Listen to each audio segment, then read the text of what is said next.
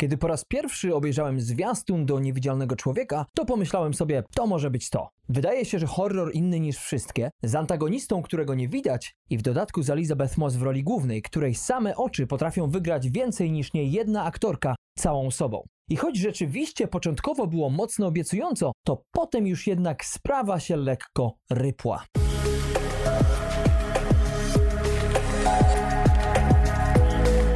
To horror australijskiego reżysera Lee Wanella, który także napisał do niego scenariusz.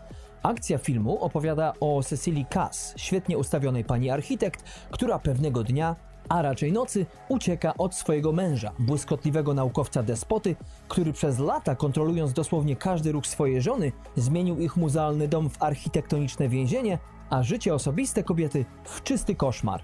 I tak kilka tygodni po jej domowym eksodusie dowiadujemy się, iż małżonek kobiety popełnił samobójstwo. Ta jednak, która w międzyczasie znalazła schronienie u swojego przyjaciela i jego córki, kompletnie nie daje temu wiary, gdyż jej zdaniem to zupełnie nie w stylu Adriana, bo tak na imię ma właśnie jej mąż. Jakby tego było mało, Wkrótce okazuje się, iż w testamencie mężczyzna zostawił Cecilii sporą sumę pieniędzy, rozdysponowaniem której zarządza pewien prawnik i choć wspomniany spadek ma swoje obwarowania, gdyż e, comiesięczne transze testamentowej schedy zależeć będą od takich czynników jak poczytalność spadkobierczyni czy brak wejścia jej w konflikt z prawem, to przyglądając się naszej głównej bohaterce wydają się one łatwe do spełnienia. Ale czy aby na pewno? Jak wspomniałem, początek filmu zaczyna się nader smakowicie, bowiem twórca bardzo sprawnie dawkuje tempo akcji, a kolejne kroki podejmowane przez kobietę, która stara się czmychnąć z niesamowicie zaprojektowanego, mniemam przez siebie samą, domowego więzienia, świetnie nabudowują tu nastrój grozy, dając nam nie tylko dodatkowe informacje o samej kobiecie, ale także o tym, jak wielkim potworem prawdopodobnie jest jej śpiący wtedy mąż. I w zasadzie nastrój ten utrzymuje się przez dobrą połowę filmu, ponieważ struktura napięcia jest dobrze przełamywana.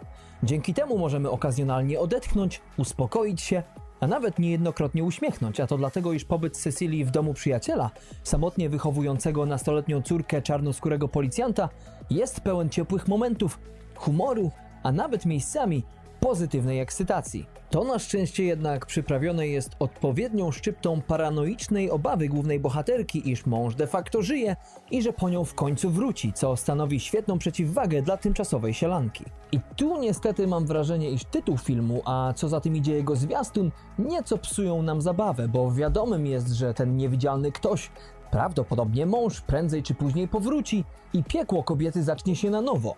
Choć z drugiej strony trailer też wlewa trochę nadziei, że jednak wszystko to wywoła w dalszej części filmu niekończącą się lawinę dreszczy. I choć rzeczywiście pojawiają się one tu i ówdzie aż do samego końca filmu, to mam jednak wrażenie, że właśnie tytuł historii, a co za tym idzie struktura filmu, obdziera mnie jako widza z większego suspensu.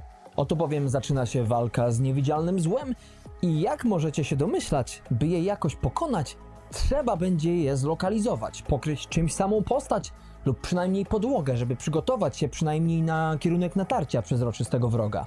I rzeczywiście, początkowe starcia kobiety z niewidzialną Marą powodowały u mnie gęsią skórkę, bowiem z czasem ich nierówna walka zaczyna zataczać coraz szersze kręgi, wciągając w swoje wariactwo nie tylko przyjaciół czy siostrę bohaterki, ale także i osoby postronne.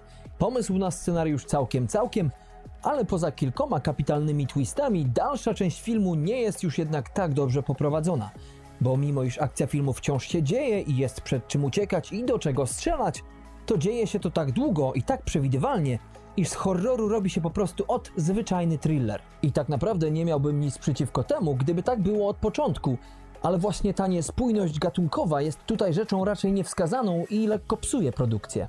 I choć co prawda film oglądałem z zaciekawieniem aż do samego końca, co bezwzględnie zaliczam jemu na plus, to jednak bardziej bałem się nie tego, że zaraz coś się stanie, lecz odwrotnie, że już nic ciekawego się po prostu nie wydarzy. Oczywiście dzieją się kolejne rzeczy, mamy też trochę niespodzianek, ale tuż po zakończeniu seansu miałem wrażenie, że po prostu to wszystko mogło być lepiej poprowadzone.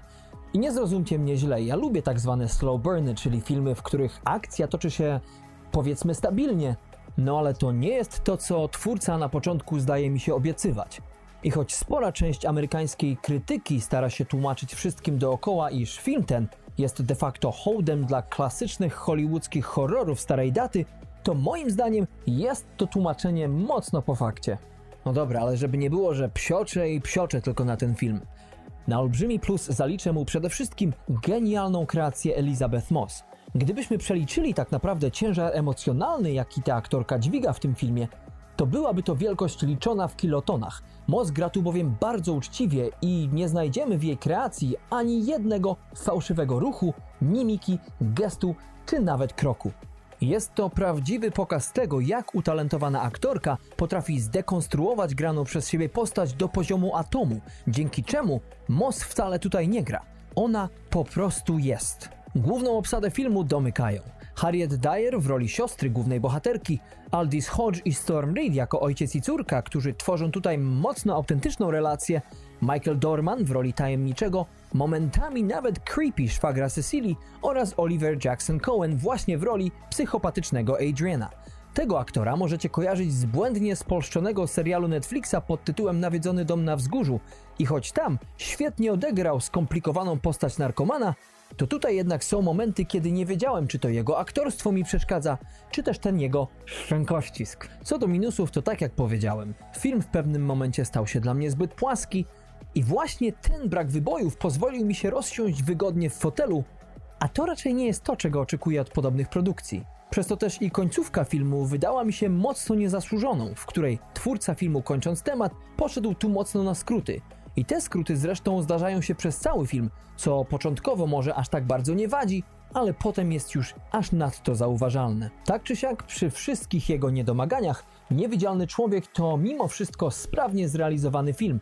I znam ludzi, którzy nie mieli jemu kompletnie za złe ani stabilnego tempa, ani przewidywalności, która kompletnie nie przeszkodziła im w nerwowym miętoleniu swetrowych rękawów. A to mimo wszystko jest chyba najlepszą rekomendacją, żeby po tę pozycję po prostu sięgnąć. Moja ocena końcowa tego filmu to 7 na 10. W najlepszych momentach jest to mocna dziewiątka, a w tych mniej mocno niezadowalająca szóstka. To tyle na dziś, kochani. Dziękuję serdecznie za uwagę. Zapraszam do subskrybowania naszego kanału i komentarzy. Polecam Wam również odcinki naszego podcastu, w którym mamy dla Was całą masę świetnych i mało znanych filmów. Przykład? Proszę bardzo. Odcinek numer 24 to fantastyczny australijski western pod tytułem Propozycja według scenariusza samego Nika Cave'a. Jeśli szukacie animacji, to odcinek 18 i przepięknie zrealizowana Zemsta Hebalończyka a jeśli macie ochotę na trochę kryminału, to zajrzyjcie do niedawnego odcinka numer 44, gdzie jak zwykle bezspoilerowo opowiadamy Wam o pełnometrażowym debiucie braci Coenów. Dziękuję raz jeszcze za uwagę, kochani, trzymajcie się ciepło i do zobaczenia w kolejnym odcinku transkontynentalnego magazynu filmowego. Cześć!